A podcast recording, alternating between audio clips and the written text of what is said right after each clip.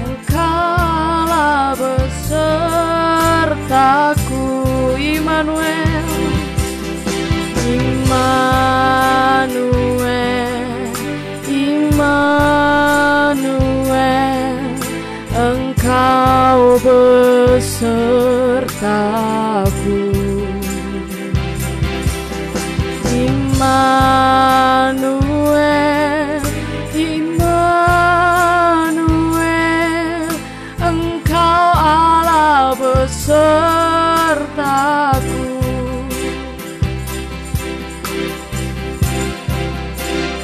Kau kuatkan aku bertahan. Kau harapan dalam kesesakan. Kau buktikan kesetiaanmu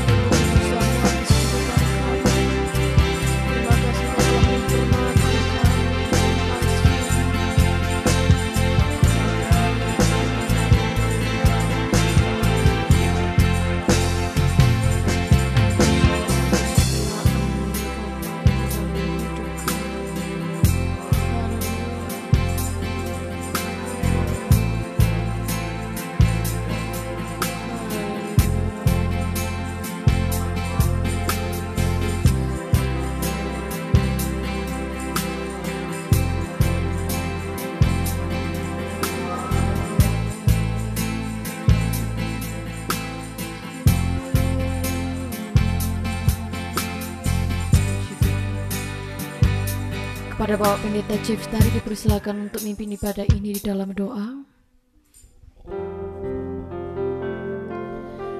Ya, jemaat Tuhan yang terkasih di hari ini, kita menghadap hari hadir- hadirat Tuhan lagi. Tuhan datang dan memanggil kita untuk bersekutu dengan Dia. Baiklah, mari kita masuk di dalam doa untuk memulai ibadah kita hari ini. Ya Tuhan kami, Allah kami, Bapa yang Maha Kudus di dalam Tuhan Yesus Kristus dan yang dan ya Roh Kudus yang bertahta di kerajaan surga di tempat yang maha tinggi seluruh manusia seluruh makhluk hidup menyembahmu dan menanti-nantikan akan kasih karunia Tuhan. Itulah sebabnya kami umatmu, Engkau telah memanggil untuk datang memuji Engkau, masuk di hadiratmu yang kudus. Kami mau bersekutu dengan Tuhan, kami mau makan bersama Tuhan, kami mau dikuduskan dan di uh, dikuatkan dan dihiburkan oleh Tuhan. Itulah sebabnya biar pagi hari ini mengawali seluruh ibadah kami ini kami serahkan ke dalam tanganmu. Hadirlah Bapa, ya hadirlah ya Roh Kudus ya, ya Tuhan Yesus dengan firmanmu, kuasamu, berkatmu di tengah kami. Maka inilah hidup dan uh, penyerahan kami di dalam memulai ibadah ini. Maka itu semua terjadi di dalam nama Tuhan Yesus Kristus. Haleluya. Amin. Puji Tuhan, ada sukacita saudara-saudara. Amin. Haleluya. Sukacita Tuhan hadir bagi kita senantiasa ya. Haleluya. Hari ini kita bersama-sama merasa bahagia berkumpul karena Tuhan Yesus yang telah menyatukan kita oleh karena kasihnya. Mari kita bangkit berdiri, kita naikkan pujian. Hari ini ku rasa bahagia.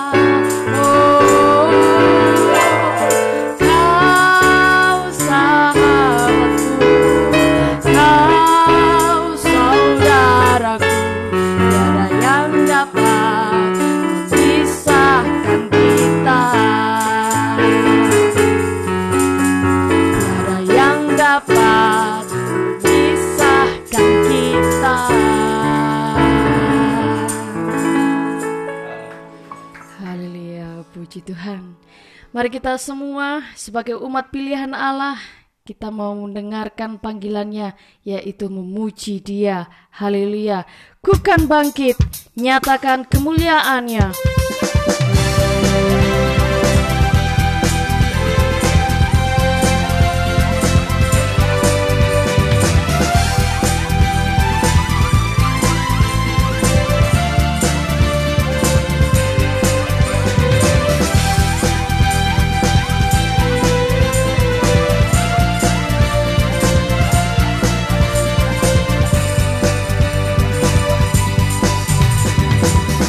Kita semua umat pilihan Allah. Dengarlah panggilannya untuk menggenapi firmannya. Sekaranglah waktunya untuk berdiri bagi bangsa ini. Mari maju umat pemenang. Mari kita semua.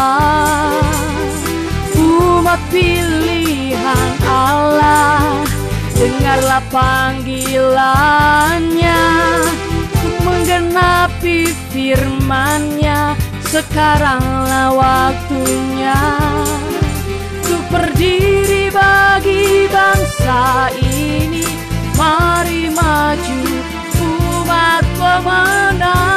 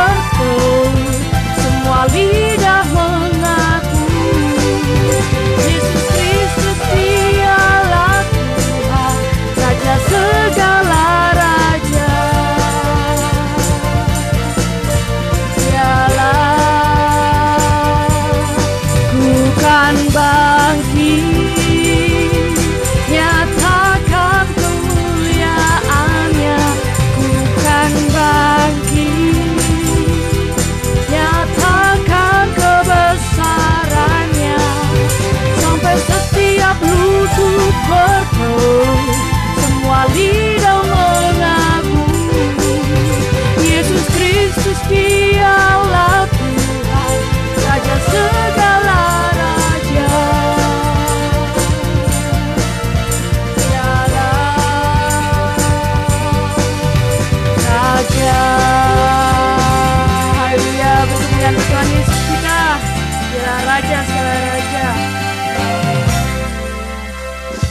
Saudara-saudari persilakan untuk duduk kembali. Tiba waktunya bagi saudara-saudara yang ingin memberikan kesaksian dipersiapkan. Kita sambut kesaksian melalui pujian Allah peduli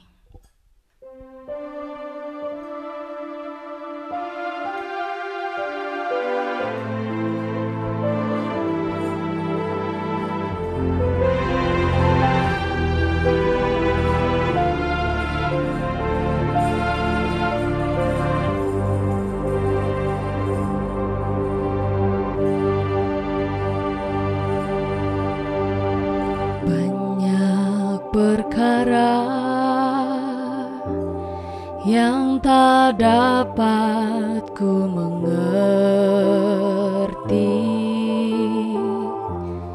Mengapakah harus terjadi di dalam kehidupan ini. Satu perkara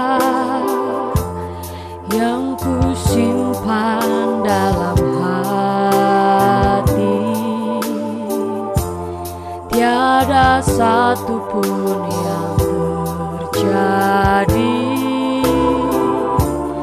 Tanpa Allah peduli. Allah mengerti Allah peduli segala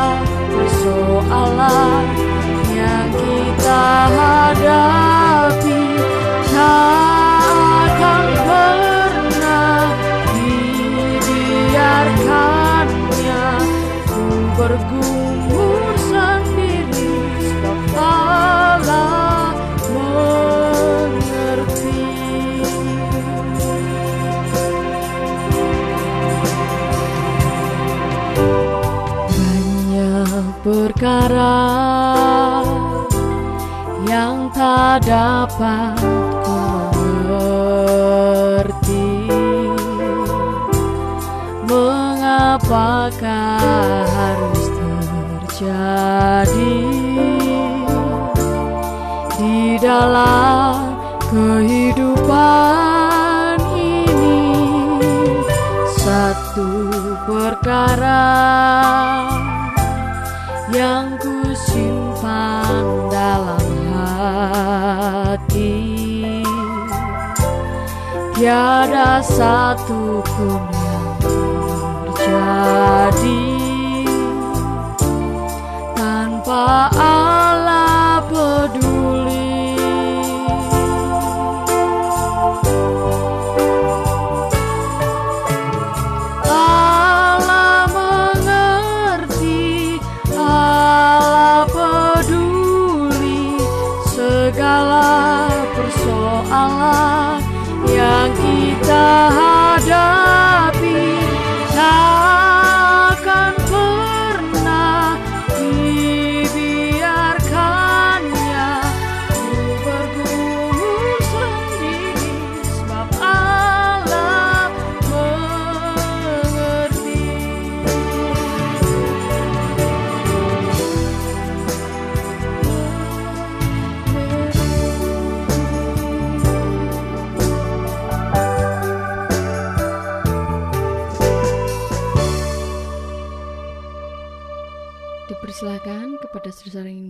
kesaksian.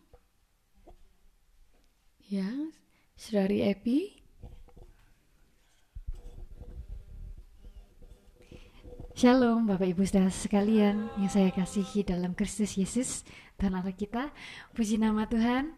Izinkan saya untuk bisa menyaksikan bagaimana Tuhan Yesus eh, memimpin saya ketika saya benar-benar menyerahkan segenap langkah hidup saya ke depan ini ke dalam tangannya.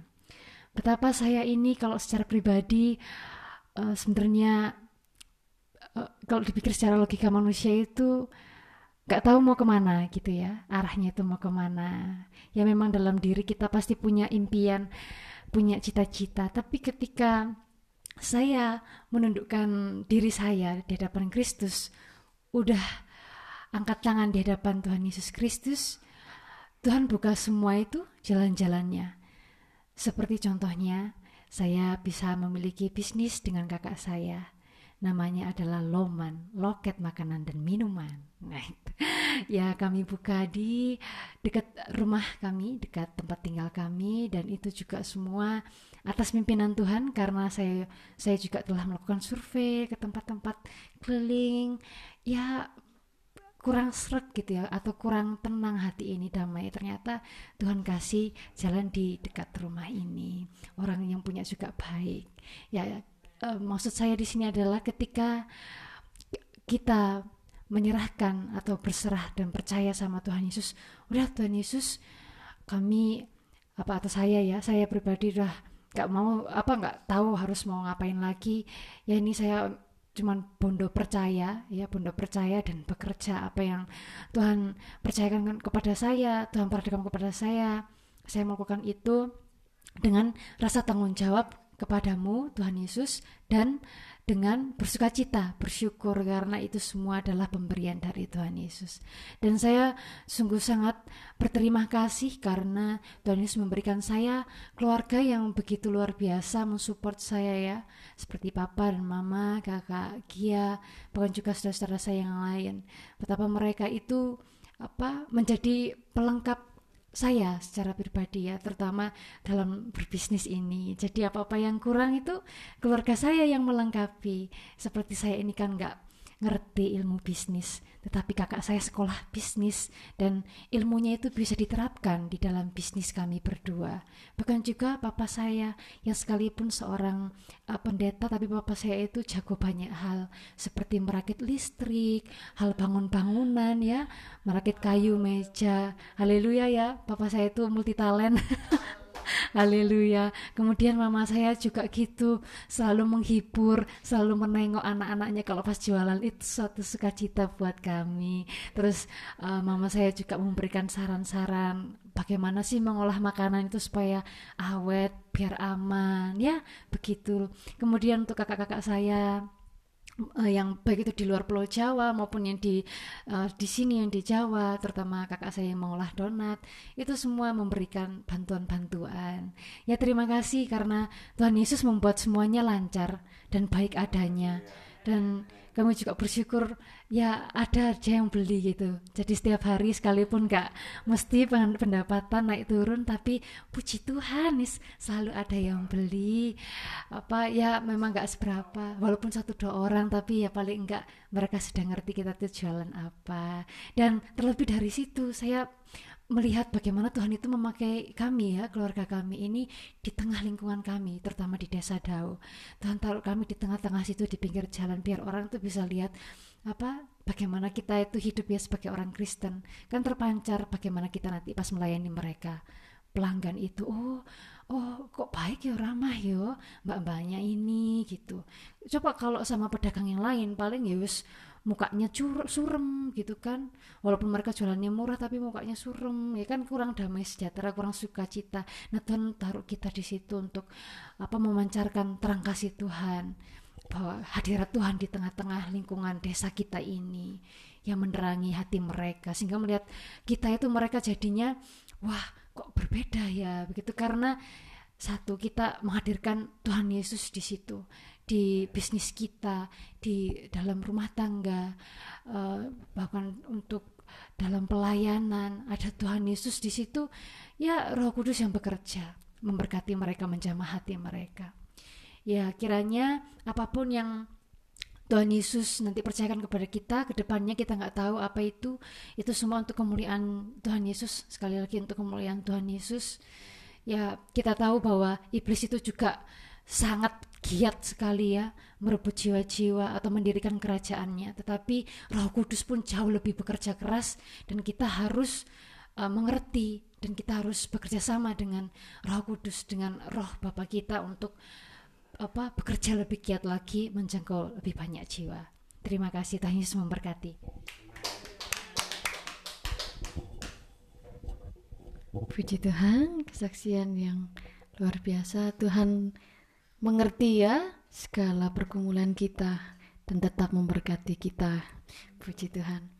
Selanjutnya saudara-saudara, mari kita bersama-sama melanjutkan untuk membaca kitab Yeskiel 31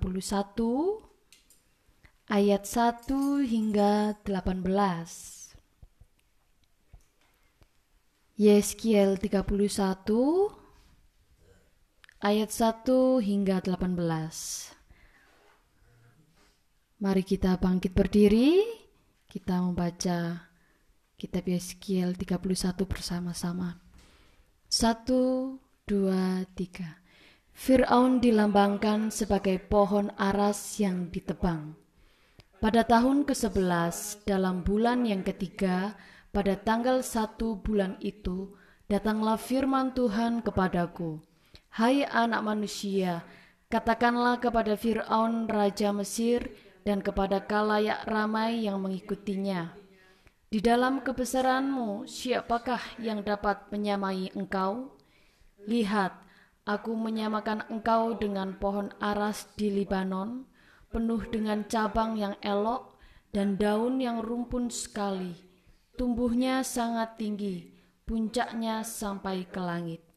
Sungai-sungai membuatnya besar, samudera raya membuatnya meninggi itu membuat sungainya mengalir mengelilingi bedengnya itu dan menjulurkan saluran-saluran ke segala pohon yang ada di padang.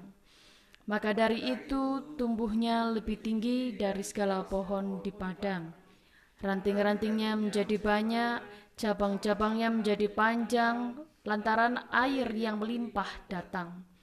Pada rantingnya diam bersarang segala burung yang di udara, di bawah cabangnya segala binatang di hutan melahirkan anaknya dan semuanya bangsa besar duduk bernaung di bawahnya. Ia elok karena besarnya dan karena cabangnya yang panjang-panjang, karena akarnya julur jalar sampai di air yang berlimpah-limpah. Pohon-pohon aras di dalam taman Allah tidak akan dapat menyainginya juga pohon sanobar tidak akan dapat menyamai ranting-rantingnya, dan pohon berangan tidak dapat dibandingkan dengan cabang-cabangnya. Segala pohon yang di taman Allah, tiada yang dapat disamakan dengan dia mengenai keelokannya. Aku membuat dia sungguh-sungguh elok dengan cabang-cabangnya yang sangat rapat. Di Taman Eden, di Taman Allah, segala pohon cemburu padanya. Oleh sebab itu, beginilah firman Tuhan Allah. Oleh karena ia tumbuh tinggi dan puncaknya menjulang sampai ke langit, dan ia menjadi sombong karena ketinggiannya, maka aku telah menyerahkan dia ke dalam tangan seorang berkuasa di antara bangsa-bangsa, supaya ia memperlakukannya selaras dengan kejahatannya. Aku menghalau dia. Orang-orang asing, yaitu yang paling ganas di antara bangsa-bangsa, akan menebang dia dan membiarkannya di atas gunung-gunung dan di semua lembah cabang-cabangnya berjatuhan dan di semua alur sungai negeri itu ranting-rantingnya berpatahan dan semua bangsa di bumi pergi lari dari naungannya dan membiarkan dia. Di atas batangnya yang roboh itu berhinggapan segala burung di udara dan di antara cabang-cabangnya diam segala binatang di hutan. Semuanya ini terjadi supaya segala pohon yang di tepi air jangan meninggikan dirinya dan puncaknya jangan dijulurkan sampai ke langit dan supaya pohon-pohon besar, yaitu semua yang menghisap banyak air, jangan tetap berdiri di dalam kecongkaannya, sebab mereka semuanya telah diserahkan ke dalam maut, ke dalam bumi yang paling bawah, di tengah anak-anak manusia yang telah turun ke liang kubur. Beginilah firman Tuhan Allah. Pada hari ia turun ke dunia orang mati, Aku membuat samudera raya bergabung karena dia. Aku mengempang sungai-sungainya sehingga air banjirnya dibendung. Dan karena dia aku membuat gunung Libanon berpakaian kabung dan membuat segala pohon di hutan layu lesu. Mendengar derum kejatuhannya, aku membuat bangsa-bangsa gemetar pada saat aku menurunkan dia ke dunia orang mati menjumpai mereka yang telah turun ke liang kubur. Dan segala pohon taman Eden akan merasa terhibur di bumi yang paling bawah, yaitu pohon yang terpilih dan yang terindah dari Libanon yang menghisap banyak air. Mereka juga turun bersama dia ke dunia orang mati, yaitu ke orang-orang yang mati terbunuh oleh pedang, dan mereka yang bernaung di bawahnya di tengah bangsa-bangsa mati juga. Maka dengan siapakah engkau dapat disamakan di antara pohon-pohon di Taman Eden dalam hal kemuliaan dan kebesaran? Engkau akan diturunkan ke bumi yang paling bawah bersama pohon-pohon di Taman Eden dan engkau telentang di tengah orang-orang yang tak bersunat bersama orang-orang yang mati terbunuh oleh pedang. Itulah Fir'aun dengan semua kalayak ramai yang mengikutinya. Demikianlah firman Tuhan Allah. Saudara-saudara dipersilakan untuk duduk kembali. Demikianlah pembacaan kitab Yeskiel pasal 31. Selanjutnya kita akan bersama-sama akan mendengarkan penyampaian firman Tuhan dan marilah kita menaikkan pujian ku mau sepertimu Yesus.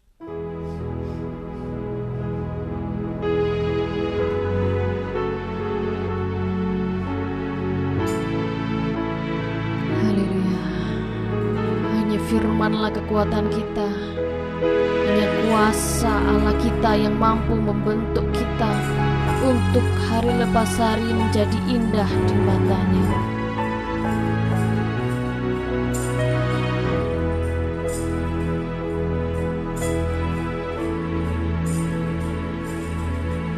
Bagaikan bejana siap dibentuk Demikian hidupku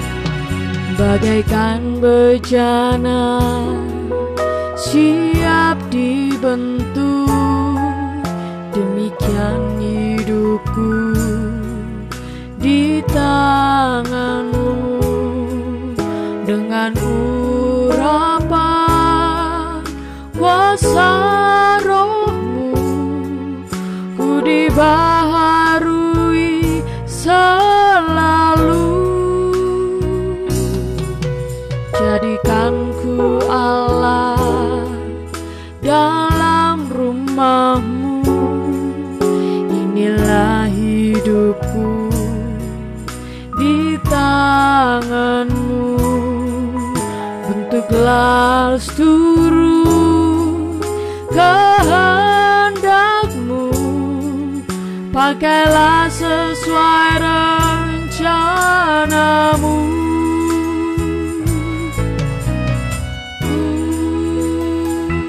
Mau sepertimu Yesus disempurnakan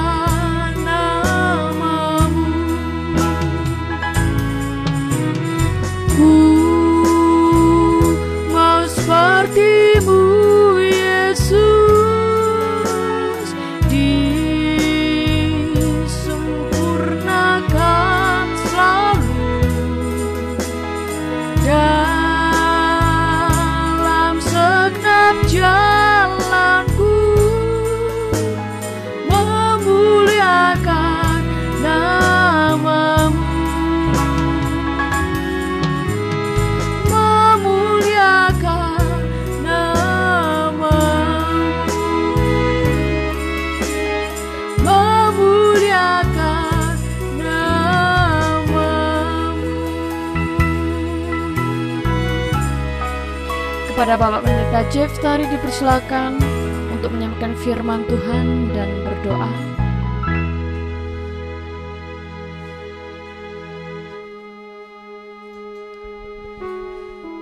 Baik saudaraku yang terkasih dalam Tuhan di hari ini. Sebagai umat Tuhan yang telah menerima kasih karunia Biar hari ini menjadi penguat bagi kita untuk mendengarkan firman Tuhan lagi Bahwa Firman Tuhan diberikan kepada kita untuk menolong kita Untuk membawa kita kepada berkatnya Firman Tuhan diberita- diberitakan dan diajarkan Supaya kita semakin kuat dan semakin lebih baik dari hari-hari sebelumnya. Baik mari kita berdoa untuk mendengarkan firman-Nya. Kami datang kepadamu di kau Tuhan Yesus Allah kami, Bapa pencipta langit dan bumi dan yang berfirman untuk disampaikan, untuk didengar oleh um, setiap umat Tuhan. Setiap orang patut mendengarkan firman-Mu. Sebab Engkau pemilik hidup, Engkau yang memberikan uh, kehendak-Mu dan kasih-Mu, bahkan peraturan-peraturan keselamatan yang kau telah tetapkan perlu disampaikan. Itulah sebabnya kami bersyukur umatmu di tempat ini akan mendengarkan firmanmu. Bahkan setiap orang yang mau mendengarkan firmanmu melalui media-media yang telah ada.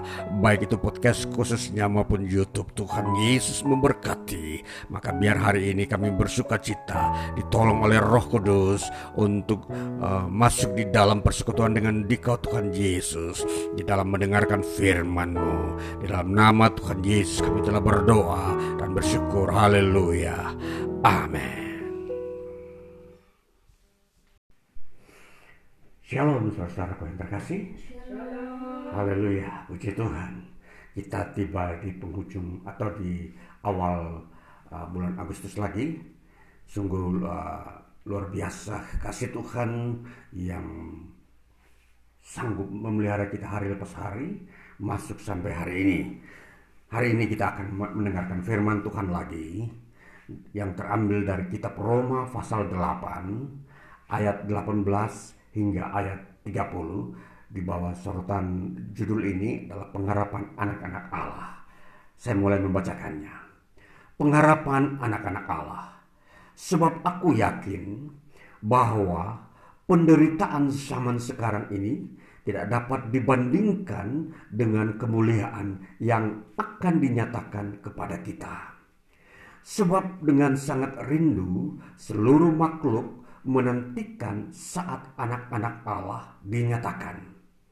Karena seluruh makhluk telah ditaklukkan kepada kesia-siaan, bukan oleh kehendaknya sendiri, tetapi oleh kehendak dia yang telah menaklukkannya tetapi dalam pengharapan, karena makhluk itu sendiri juga akan dimerdekakan dari perbudakan kebinasaan dan masuk ke dalam kemerdekaan kemuliaan anak-anak Allah. Sebab kita tahu bahwa sampai sekarang segala makhluk sama-sama mengeluh dan sama-sama merasa sakit bersalin. Dan bukan hanya mereka saja, tetapi kita yang telah menerima karunia sulung roh, kita juga mengeluh dalam hati kita sambil menantikan pengangkatan sebagai anak, yaitu pembebasan tubuh kita. Sebab kita diselamatkan dalam pengharapan, tetapi pengharapan yang dilihat bukan pengharapan lagi. Sebab bagaimana orang masih mengharapkan apa yang dilihatnya? Tetapi jika kita mengharapkan apa yang tidak kita lihat, kita menantikan dengan tekun. Demikian juga roh membantu kita dalam kelemahan kita. Sebab kita tidak tahu bagaimana sebenarnya harus berdoa. Tetapi roh sendiri berdoa untuk kita kepada Allah dengan keluhan-keluhan yang tidak terucapkan.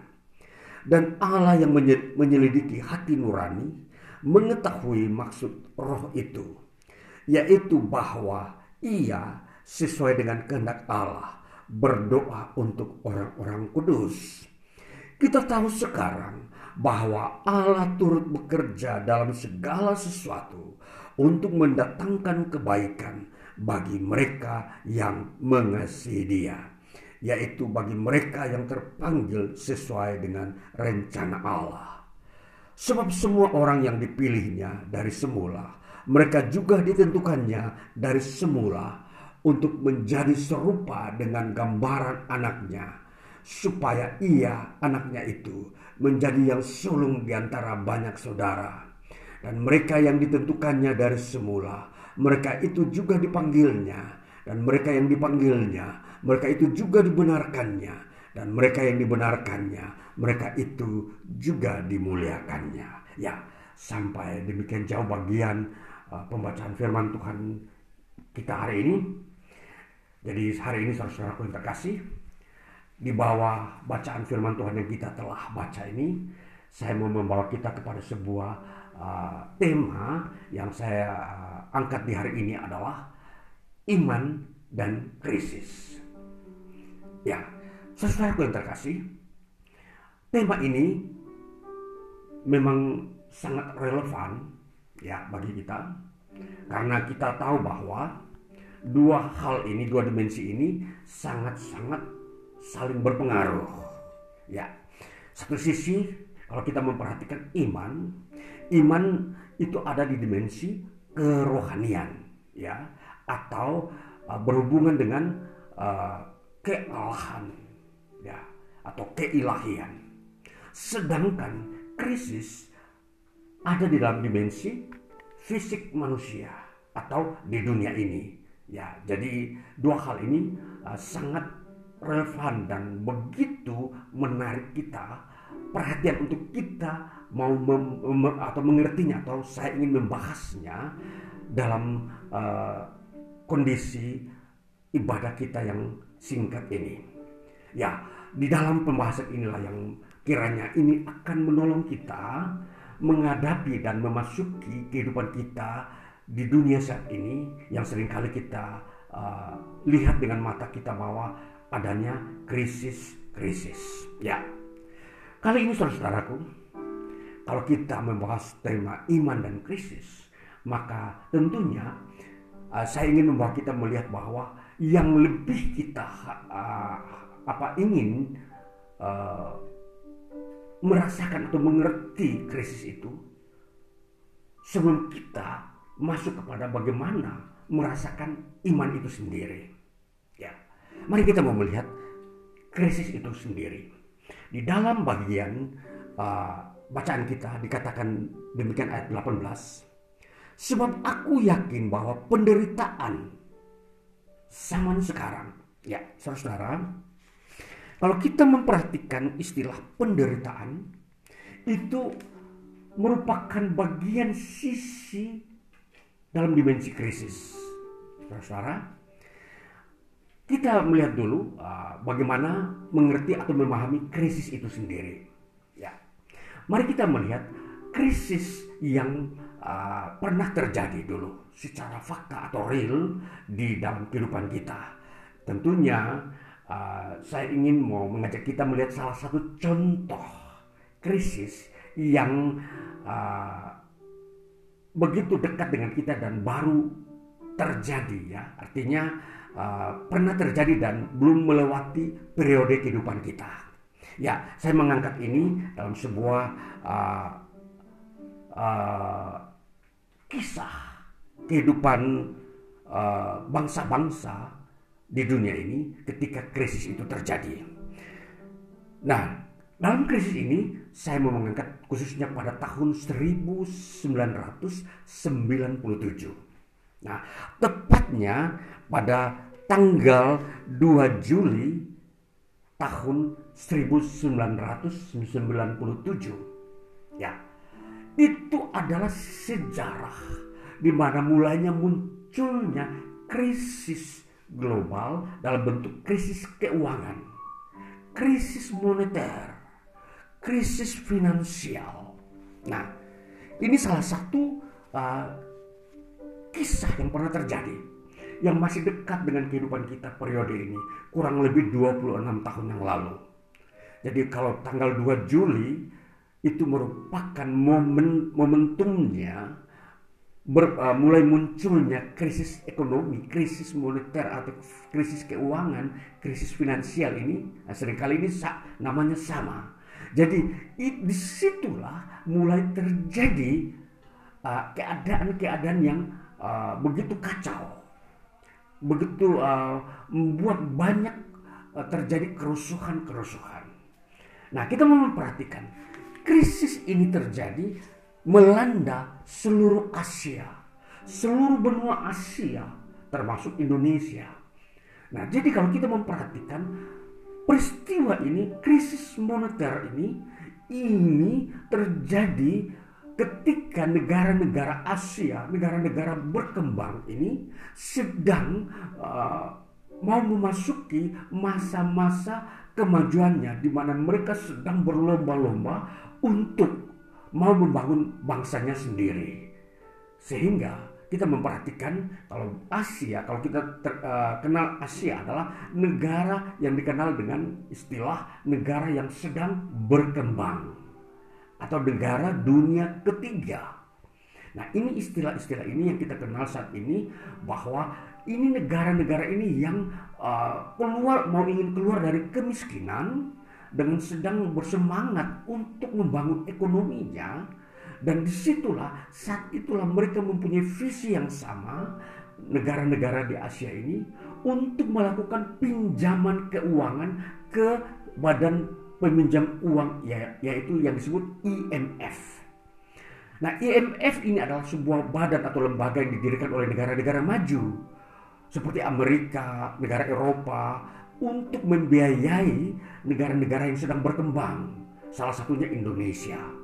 Nah, jadi ini saudara-saudara, tanggal yang saya angkatkan pada tanggal 2 Juli 1997 itu, itu adalah momentum mulainya terjadinya krisis moneter, krisis keuangan di Indonesia secara khusus yang saya catat, tetapi Asia secara uh, lebih luas lagi.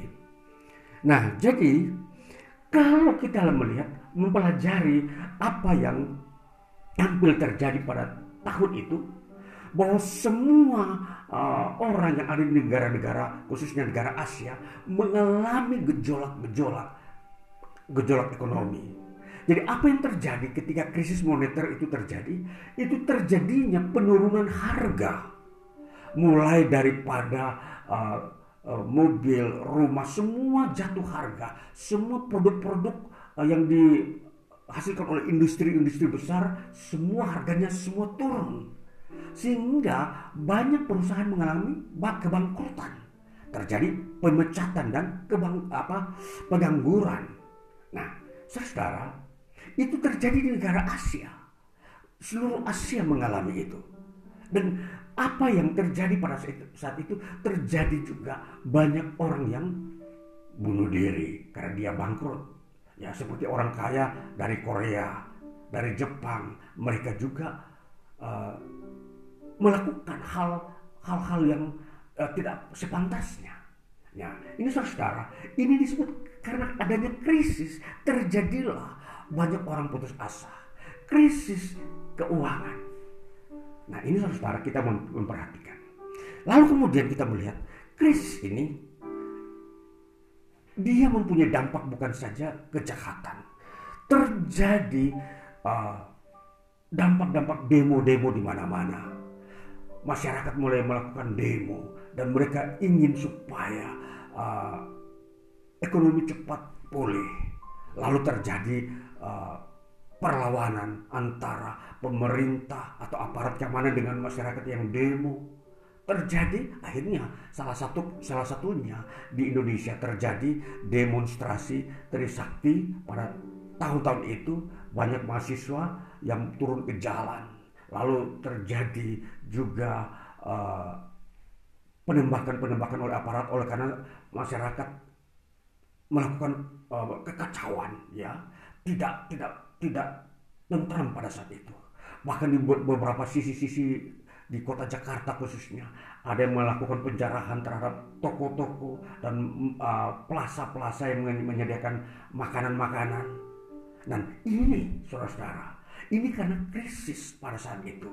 Nah, saudaraku yang terkasih, berdasarkan fakta-fakta terjadinya krisis di Asia itu oleh karena pinjaman setiap negara itu over ya ya over overdosis ya melampaui uh, kemampuan untuk membayar. Artinya bahwa penghasilan setiap bangsa di Asia ini di bawah uh, kemampuan untuk membayar hutang. Nah, nah akhirnya terjadilah krisis keuangan. Nah, jadi perbankan juga, bank-bank juga mengalami krisis, mencari uang begitu sukar untuk uh, menyalurkan kredit. Nah, ini, ini fakta-fakta, ini salah satu krisis yang terjadi di Asia yang masih kita rasakan saat uh, uh, suasana saat itu terjadi. Sudah 26 tahun berlalu. Nah, ini saudara terkasih. Kita melihat bahwa kalau krisis yang terjadi yang kita sudah lihat atau pernah uh, jalani atau alami, penderitaan yang dialami oleh orang-orang yang mengalami krisis itu sungguh berat. Kalau kita memperhatikan di Jakarta, banyak orang begitu uh, histeris ketika melihat kekayaannya mendadak langsung habis karena mungkin saja dijarah, bisa saja dihancurkan, bisa saja tidak mempunyai harga lagi karena penurunan nilai dan mata uang Indonesia pada saat terjadi krisis semulanya hanya uh, 2000 uh, saya catat di sini uh, mata uang yang terjadi pada saat itu 2450 rupiah per dolar Amerika langsung melonjak menjadi 13.513 rupiah per dolar Amerika. Saudara, ini data melonjak drastis. Jadi mata uang Indonesia begitu lemah, terendah, tidak bisa lagi membayar hutangnya karena pinjaman dalam bentuk dolar dan terjadi begitu penderitaan yang dialami oleh bangsa Indonesia. Saudara, ini fakta-fakta itu dihiasi penderitaan. Jadi kalau krisis datang itu yang muncul adalah penderitaan.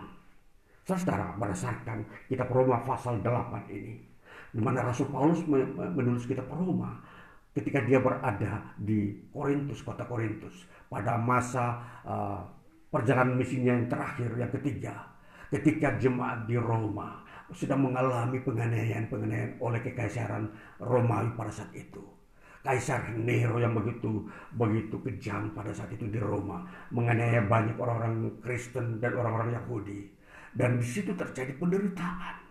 Ini saudara kemiripan penderitaan krisis jadi bagian daripada krisis kehidupan. Jadi penderitaan adalah wujud daripada krisis. Penganiayaan pun tentunya itu bentuknya lain, bukan krisis tetapi hasil atau akibatnya adalah penderitaan. Sedangkan krisis keuangan itu pun menghasilkan penderitaan. Jadi memang kalau kita mau uh, menampilkan ciri-ciri krisis adalah menghasilkan atau memperlihatkan penderitaan bagi manusia. Nah ini saudara-saudara yang terkasih. Jadi kita mau melihat bahwa hal-hal yang kita alami di dunia ini ada dua dimensi yang begitu uh, signifikan, begitu uh, penting sekali di dalam kehidupan kita. Yang pertama adalah dimensi iman dan yang kedua dimensi ekonomi. Dua dimensi ini begitu penting di dalam kehidupan manusia. Kita umat Tuhan. Jadi saudara, kita harus memperhatikan dua hal ini.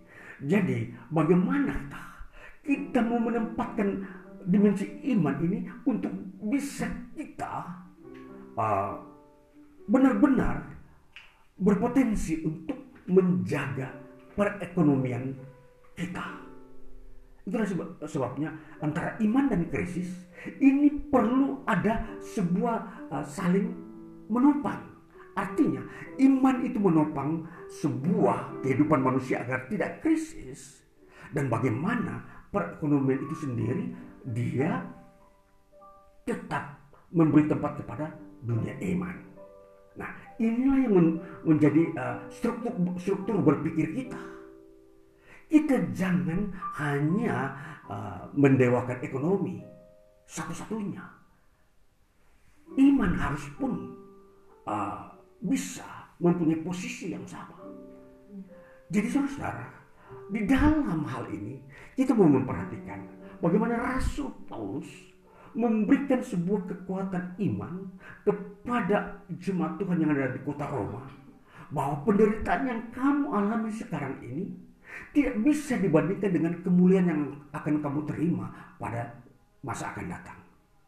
Ini adalah penghiburan ini adalah uh, sebuah wawasan iman. Bahwa iman itu adalah mempunyai dimensi kekekalan di mana dia memberikan penguatan, ketahanan terhadap krisis yang dihadapi di dunia. Nah, ini saudara. Tanpa penguatan iman, manusia tidak mampu menghadapi krisis dan buktinya kita melihat beberapa fakta kejadian ketika krisis moneter beberapa orang-orang kaya di uh, Asia, mereka melakukan bunuh diri. tidak ada ketahanan di dalam dirinya ketika krisis itu datang. Nah ini saudara, betapa pentingnya iman itu untuk mem membuat seseorang bertahan melihat sesuatu uh, beban yang menimpa dirinya. Ini yang uh, menjadi uh, penting sekali bagi kita untuk kita bisa mengukur kehidupan kita.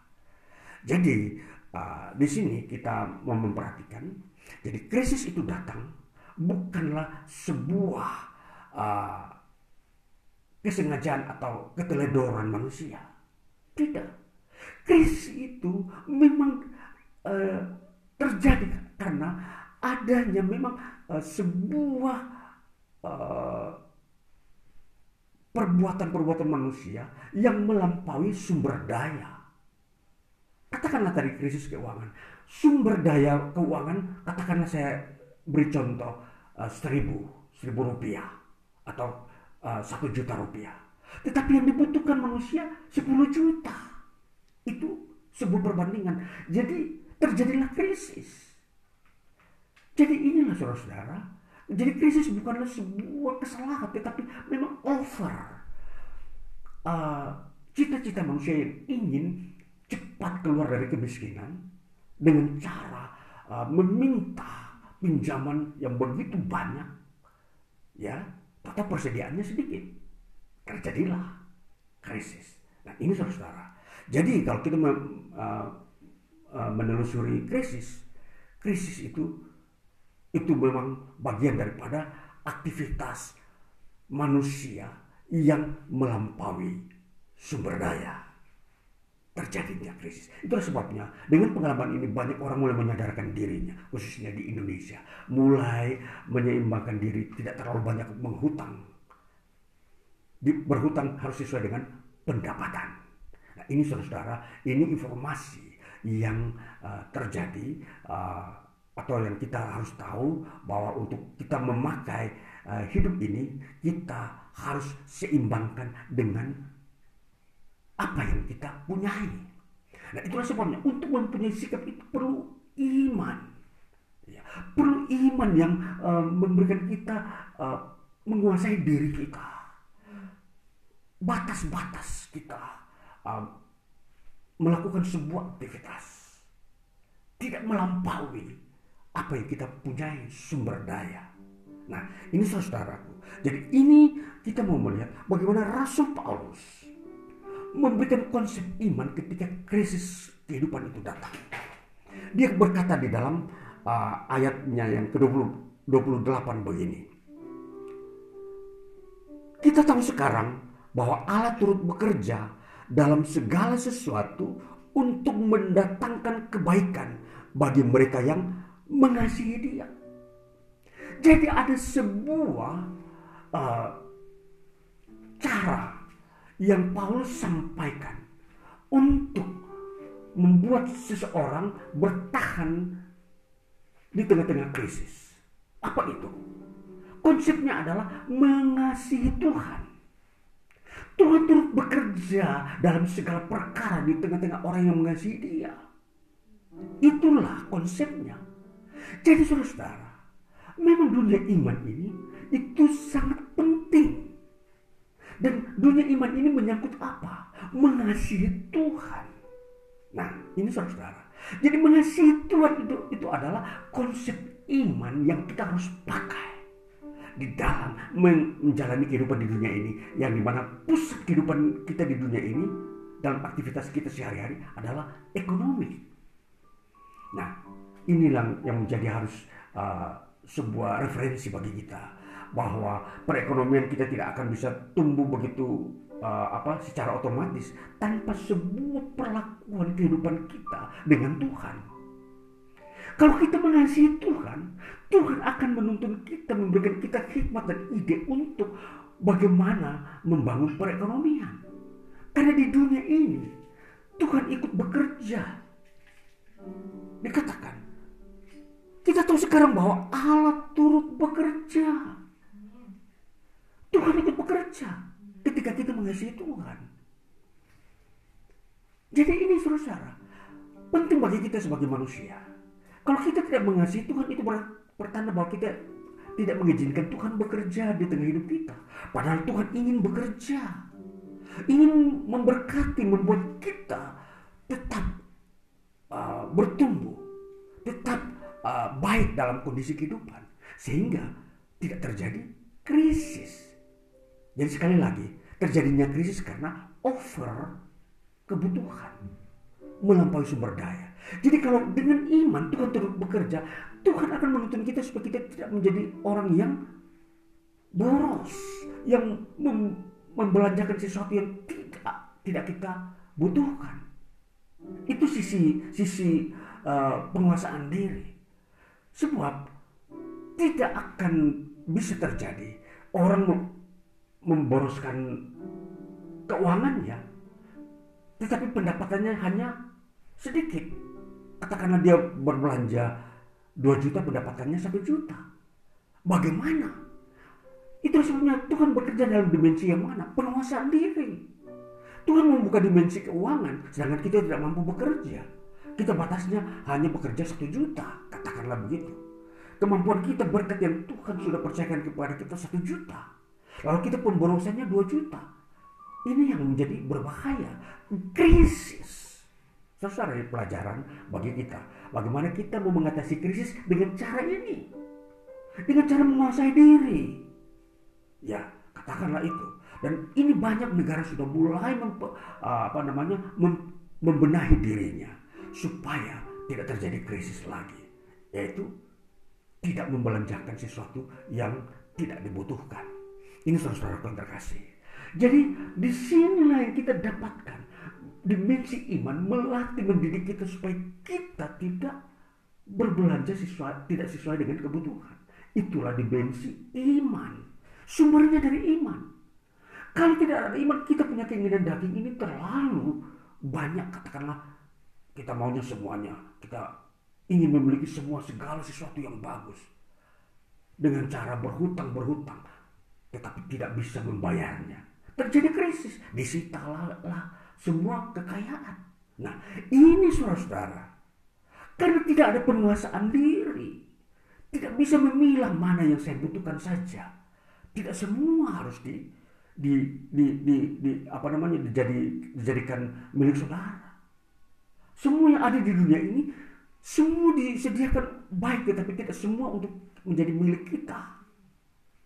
Inilah yang harus kita mengerti bahwa krisis supaya kita menghindari dari krisis itulah dengan cara menggunakan dimensi iman menguasai diri.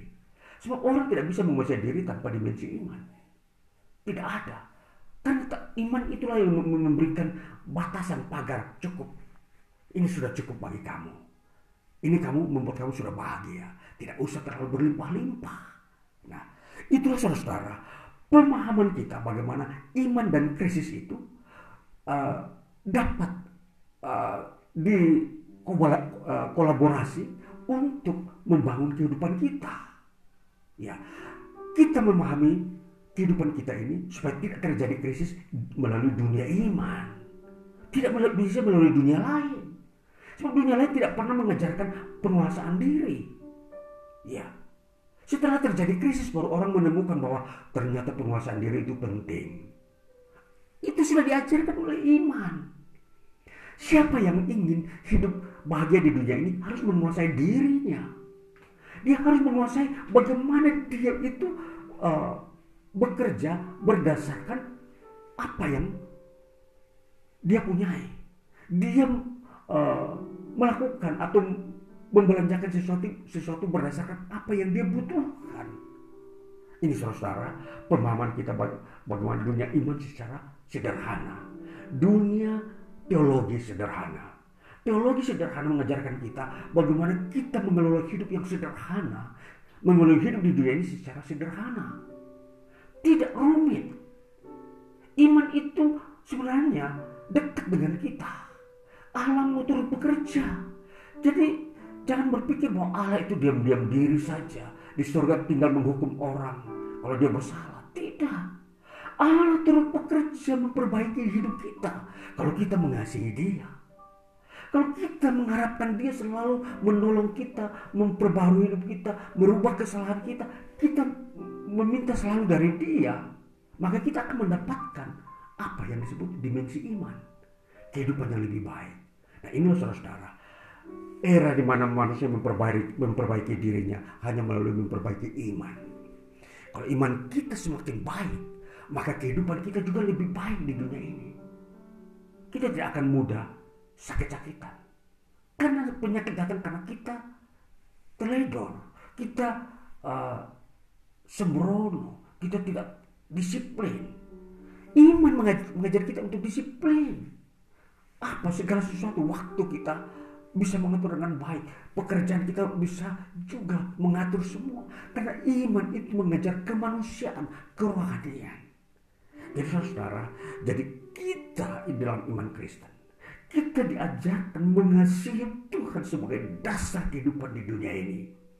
Maka engkau akan bahagia. Firman Tuhan berkata, Berbahagialah orang yang suci hatinya.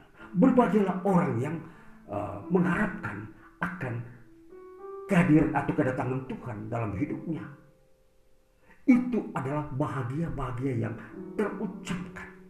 Bahagia-bahagia yang ditampilkan dalam iman Kristen ketika orang ketika umat Tuhan mengasihi Tuhan. Ya saudara ini sebuah uh, kesempatan bagi kita karena kita sudah berada dalam lingkungan uh, firman Tuhan, kita dengan mudah menemukan persekutuan dengan Tuhan sebenarnya. Yang dengan seperti itulah justru kita lebih menambahkan kasih kita kepada Tuhan. Karena kita sudah mendapat fasilitas kemudahan bersekutu dengan Kristus. Nah, karena itulah pakailah kesempatan itu untuk terus memakai prinsip mengasihi Tuhan Segala sesuatu mintalah dari Tuhan. Mengharapkan pembaruan, mengharapkan pertumbuhan, mengharapkan kemajuan dari Tuhan. Berdoalah setiap waktu. Itu sebabnya dikatakan dalam bacaan ini sering kali kita mengeluh karena zaman uh, beban-beban uh, di dunia ini begitu berat. Tetapi roh Tuhan akan menolong roh kita untuk berdoa kepada Allah. Bagaimana cara meminta supaya kita terlepas atau keluar dari beban-beban kehidupan di dunia ini. Jadi di dunia ini beban begitu banyak.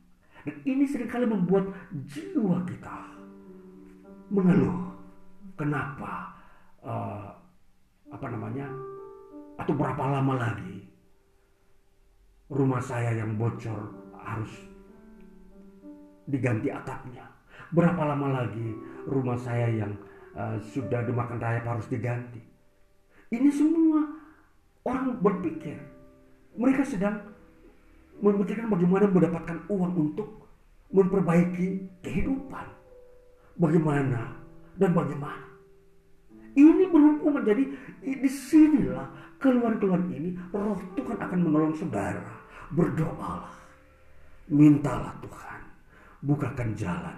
Berikanlah berkatmu keuangan bagi kami supaya kami bisa memperbaiki rumah kami, bisa uh, membayar uang sekolah, bisa membayar uang kuliah, bisa uh, apa namanya mengatasi uh, kekurangan gizi, mengatasi atau mengobati uh, sakit.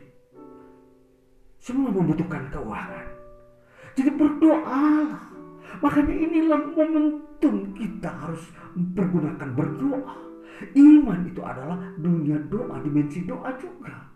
Jadi mengasihi Tuhan dengan berdoa itu merupakan mata rantai yang tidak bisa terputus.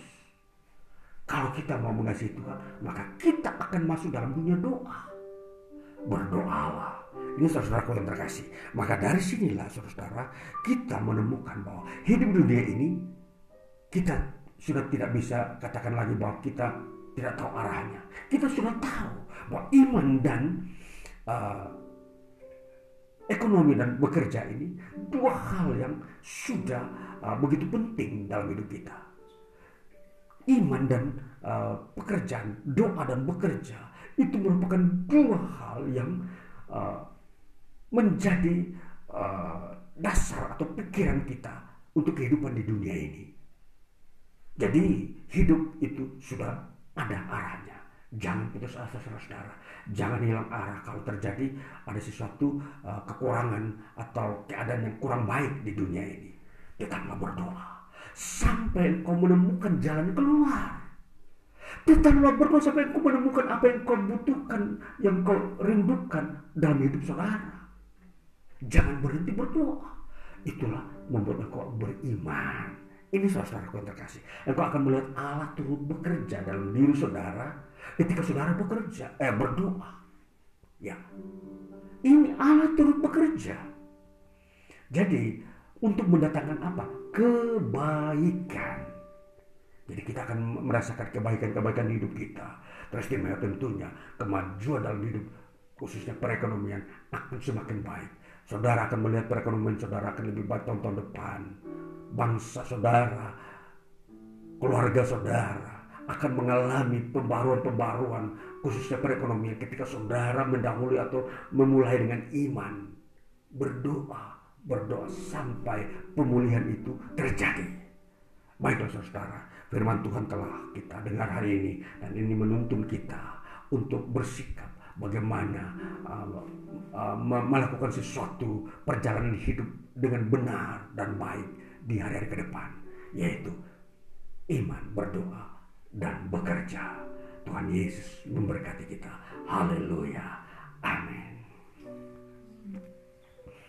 Saudaraku yang terkasih, mari kita melanjutkan ibadah kita ini dengan kita melakukan perjamuan kudus di dalam firman Tuhan 1 Korintus pasal 11 ayatnya yang ke-23 bunyinya demikian. Sebab apa yang telah aku teruskan kepadamu telah aku terima dari Tuhan yaitu bahwa Tuhan Yesus pada malam waktu ia diserahkan mengambil roti. Mari kita mengambil roti ini.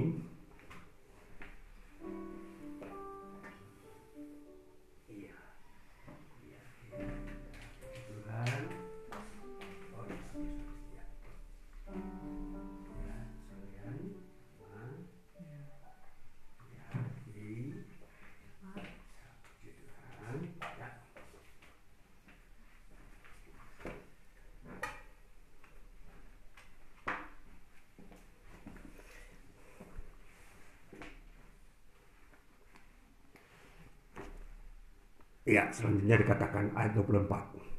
Dan sesudah itu ia mengucap syukur atasnya. Ia memecah-mecahkannya dan berkata, Inilah tubuhku yang diserahkan bagi kamu. Perbuatlah ini menjadi peringatan akan aku. Mari kita makan dalam nama Tuhan Yesus Kristus. Haleluya.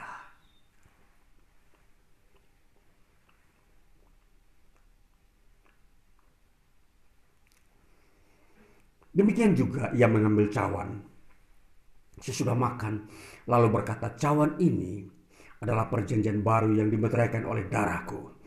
Perbuatlah ini setiap kali kamu meminumnya menjadi peringatan akan aku. Mari kita minum dalam nama Tuhan Yesus Kristus. Haleluya. Sebab setiap kali kamu makan roti ini dan minum cawan ini, kamu memberitakan kematian Tuhan sampai ia datang. Ya puji Tuhan. Hari ini saudara terkasih, kita telah melakukan perjuangan kudus. Itu bagian daripada iman kita dan ini akan menambahkan pada kita kasih kepada Tuhan.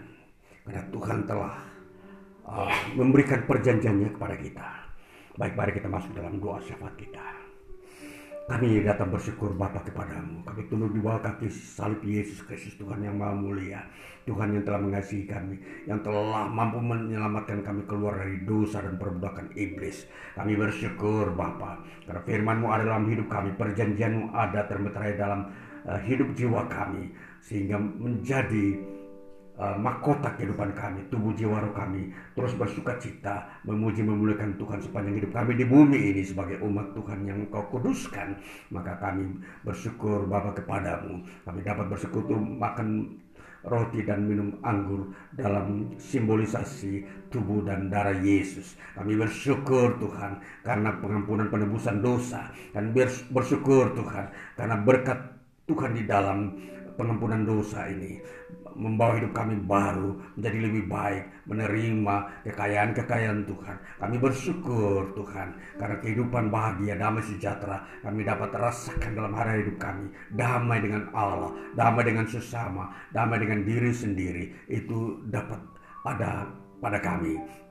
Kami bersyukur Bapa, kemuliaan Tuhan memenuhi kami. Kami bersyukur untuk hikmat, kekuatan, pengetahuan, berkat-berkat keuangan yang sesungguhnya akan menopang hidup kami, iman kami di dunia ini. Kami bersyukur Tuhan turut bekerja dalam segala perkara untuk mendatangkan kebaikan bagi kami yang mengasihi Tuhan. Kami bersyukur mengasihi Tuhan itu penting. Kami bersyukur Tuhan bahwa berdoa itu merupakan mata rantai perwujudan mengasihi Tuhan. Kami meminta hal-hal yang akan kami butuhkan baik dalam kehidupan rumah tangga, dalam pekerjaan, Tuhan memberkati, memberikan damai, memberikan kemampuan-kemampuan jalan keluar, memberikan kecerdasan, bahkan mujizat Tuhan menopang semua pekerjaan kami. Sehingga itu uh, membawa keberhasilan kesuksesan karena perkenanan Tuhan. Terima kasih Bapak. Kau memberkati umatmu yang hari-hari ini sedang melakukan usaha-usaha bisnis untuk uh, bertumbuh dan maju di dalam perekonomian. Berkati Epi, berkati Yase, juga berkati Gea, berkati Yusti dengan keluarga Yase dan keluarga berkati juga Siska mereka yang bekerja. Mereka yang sudah pensiun makan mereka masih mau bekerja di rumah. Berkati semua itu. Bapak membawa berkat itu bertambah-tambah karena Wujud berkat Tuhan inilah dari kerja yang diberkati Tuhan. Tuhan Yesus terima kasih untuk kemurahan Tuhan, kemampuan-kemampuan hikmat yang Tuhan berikan bagi kami. Dan kami berjalan maju di dalam semangat dan kekuatan baru dari Dikau Tuhan Yesus. Kami berdoa untuk pelayananmu, pelayan-pelayan pemberitaan Injil pelayanan-pelayanan kasih, pelayanan iman. Terus kami kerjakan hambamu, memberitakan, mengajarkan firmanmu, supaya umatmu diteguhkan, dikuatkan, mengerti, memahami konsep-konsep uh, keilahian dan kehidupan di dunia ini dapat di, di dimengerti dan dipakai dalam hidup ini. Tidak ada lagi yang lebih baik daripada apa yang Tuhan firmankan. Tuhan terima kasih terpuji namamu. Kuduskan kami umatmu di hari ini. Kuduskan setiap umatmu yang mendengarkan firman melalui podcast ini. Biar bertambah maju, bertambah baik. Supaya terjadi pembaharuan, terjadi pembebasan, kemerdekaan manusia dari perbudakan-perbudakan, kesia-siaan, perbudakan, penderitaan, dan hal-hal yang menyakitkan hati, banyak keluar-keluhan karena kondisi yang berat yang tidak atau belum ditemukan oleh setiap orang saat ini. Hamba berdoa supaya tangan Tuhan bekerja, buat mujizat curahkan berkatmu biar hujan berkat-berkat Tuhan.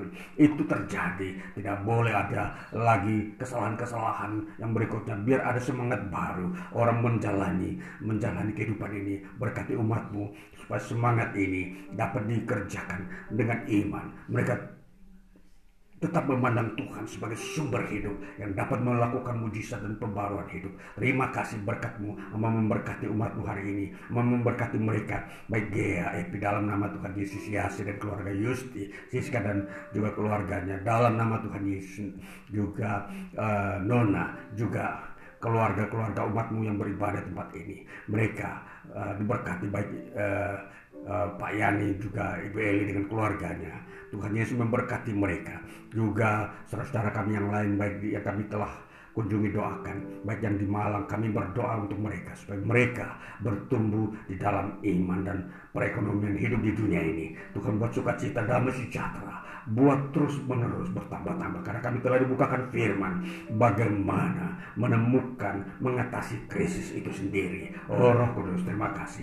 Penguasaan diri dan bekerja itu merupakan uh, uh, kekuatan cara yang Tuhan berikan supaya hidup berbahagia dan tidak mengalami krisis di dunia ini. Tuhan Yesus terima kasih. Terpujilah nama namamu Bapa segala kemuliaan hormat pujian dan syukur karena engkau telah mengasihi memberkati kami. Hamba telah menerima berkatmu bersama umatmu ialah perjanjian berkat dari surga. Maka turunlah anugerah dari surga. Kasih daripada Allah Bapa bersekutu dengan Tuhan Yesus Kristus menyertai kami semua hari ini dan um, menuntun kami sampai kepada uh, kekekalan. Maka kami berdoa sesuai dengan apa yang Tuhan Yesus ajarkan kepada kami. Bapa kami yang di surga, dikuduskanlah namamu, datanglah kerajaanmu, Jadilah kehendakmu di bumi seperti di surga. Berikanlah kami pada hari ini makanan kami yang secukupnya dan ampunilah kami akan kesalahan kami seperti kami juga mengampuni orang yang bersalah kepada kami. Dan janganlah membawa kepada kami ke dalam pencobaan tetapi lepaskanlah kami daripada yang jahat. Karena engkau yang punya kerajaan kuasa dan kemuliaan sampai selama-lamanya. Terima kasih Yesus Terima kasih Yesus. Puji syukur hanya bagimu Ya Allahku Ya Tuhanku. Terima kasih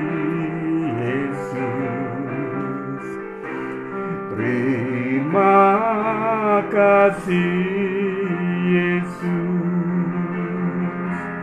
Puji syukur hanya bagimu Terima kasih Yesus Bapa terima kasih untuk kasih firman dan berkatmu hari ini bagi kami. Dalam nama Tuhan Yesus kami berdoa dan bersyukur. Haleluya. Amin puji Tuhan